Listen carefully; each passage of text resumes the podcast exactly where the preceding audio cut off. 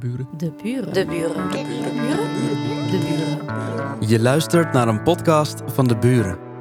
Vlaams-Nederlands Huis voor Cultuur en Debat.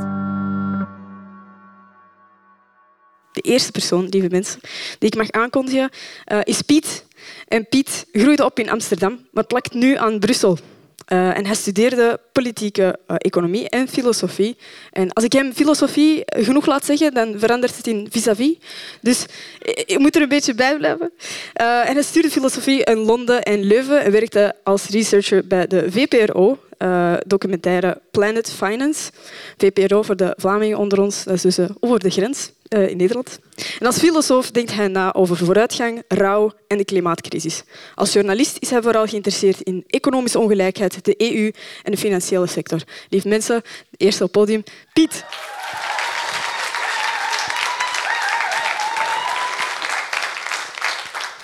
Eigenlijk zou ik nu dus een zorgvuldig voorbereid essay voorlezen. Een essay dat meerdere keren was nagekeken, herschreven, bijgeschaafd. Het essay ging over de meme All Your Favorite Problematic um, en hoe die aansluit bij Walter Benjamin's filosofie van vooruitgang. Dat is de slide achter mij, die engel, dat is Walter Benjamin's engel van de geschiedenis. All Your Favorite Problematic is dus een meme. Zijn mensen een beetje bekend daarmee? Misschien niet. Um, en voor het geval niet, een problematic fave is iets waar je fan van bent, maar je komt er later achter dat dat eigenlijk heel pijnlijk is. Dus uh, klassiekers, soort van, mensen houden van Picasso. Picasso was een gigantische vrouwenhater. Soort van, dat is dan een beetje auw. Uh, nou ja. Um, klassieke problematic fave. Maar, um, maar door, door de bezetting, door de oorlog, maar door de bezetting tussen Israël en Palestina, de bezetting van Palestina en de oorlog tussen Israël en Palestina, wil ik niet meer op abstracte manier over vooruitgang en faves spreken. In plaats van daar, uh, daarvan wil ik praten over selectieve empathie en de zichtbaarheid van leed. En onderweg zal er toch nog iemand geproblematiseerd worden, namelijk mijn eigen fave, de Joodse filosoof Emmanuel Levinas.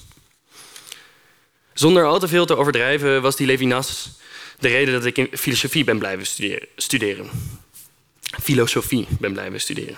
Um, was Levinas de reden dat ik naar de KU Leuven in België kwam? Uh, is Levinas een van de belangrijkste invloeden op mijn wereldbeeld en mijn denken? Afgelopen week circuleerde een fragment op sociale media van Ramsi Nasser, die op de talkshow van Galit en Sophie op hartverscheurende wijze vraagt waarom we de namen van Palestijnse slachtoffers niet kennen. Nasser toont hoe selectief we met onze empathie omgaan. En bevraagt waarom Israëlische slachtoffers terecht met naam en toenaam beweend worden, maar waarom Palestijnen niets meer krijgen dan een anoniem dodental. Waarom Palestijns leed onzichtbaar is. Toen ik het zag, moest ik onmiddellijk aan een uitspraak van Levinas denken. Ethiek is optiek. In Levinas neemt kijken een centrale plaats in. Het is de blik, het is het gezicht van de ander, waar het ik zich niet aan kan onttrekken. De blik van de ander trekt je mee in je verantwoordelijkheid, uh, in, je, in de verantwoordelijkheid voor de ander, nog voordat je iets van hem weet of denkt.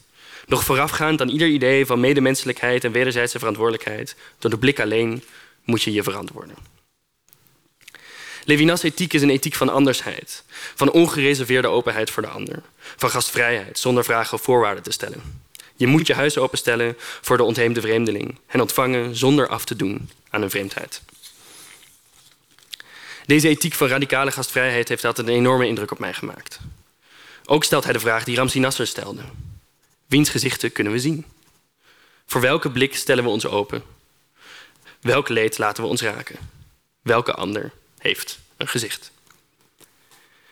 In Levinas' werk heeft het ik allerlei soorten afweermechanismen tegen het gezicht van de ander. Het ik probeert zich om van zijn duizelingwekkende verantwoordelijkheid te ontdoen. De ander wordt gecategoriseerd. De ander wordt geïnstrumentaliseerd. Van zijn vreemdheid ontdaan. Ondergebracht in het ik. Het gezicht van de ander wordt uitgewist in plaats van die radicale gastvrijheid. Maar ook die radicale openheid alleen is niet genoeg. We zijn namelijk niet met maar twee in de wereld. Het ik en de ander. Achter iedere ander staat weer een andere ander. De derde. De derde die je afwijst in je omhelzing van de tweede. De derde aan wiens blik je je net zo min kan onttrekken. Levinas' ethiek bestaat uit deze paradoxale spanning tussen enerzijds een radicale verantwoordelijkheid voor de ander En eh, tegelijkertijd de onmogelijke opdracht om tussen al die andere anderen te kiezen. Zo is ook Nassers wanhoop. Er zijn te veel doden om te bewenen, te veel leed om te ontvatten, te veel namen om te onthouden. Er zijn te veel rouwende familieleden om ze allemaal te kunnen interviewen op nationale televisie in een afgrijzelijke rouwmarathon van uren. Maar het zou wel moeten. Het moet wel. Zo worden we gedwongen om onze begrensde empathie te verdelen. Ethiek is een optiek en soms sluiten we onze ogen. Voor Levinas begint hier politiek. De onmogelijke, maar noodzakelijke keuze om zo nu en dan je ogen te sluiten. En hier neem ik afscheid van Levinas. Want hier transformeert hij zijn filosofie van radicale openheid in een methode om onverschilligheid te legitimeren. In zijn politieke werk namelijk zet Levinas de staat Israël neer als een soort verheven ander, die een uitzonderingspositie heeft tussen de andere staten van de wereld. En zo laat hij plotseling enkel ruimte voor de Joodse ander. Zo worden Palestijnen onzichtbaar gemaakt, vergeten, gezichtsloos. Ethiek is een optiek. En Levinas gebruikte dit inzicht om zijn ogen te sluiten. Maar we hoeven Levinas' cynische keuze niet te herhalen. Misschien is er inderdaad te veel leed. Te veel leed om onze empathie aan iedereen te kunnen geven. En de gruwel van onze wereld is dat erkenning van de een de ander vaak onvermijdelijk uitsluit. Maar we kunnen wel andere politieke keuzes maken dan hij. We kunnen andere keuzes maken in wiens leed we zien en in wiens leed we vergeten. De 2,2 miljoen Palestijnen in Gaza hebben overigens op dit moment op geen enkele manier een keuze. Voor hen is dit absoluut een noodzaak. En Levinas.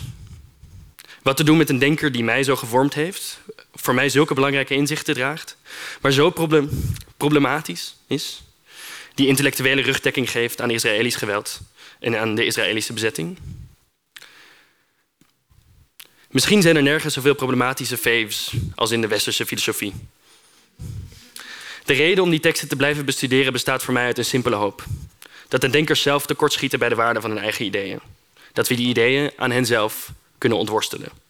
Dat hoop ik te kunnen doen met Levinas. Maar nu eerst Free Palestine.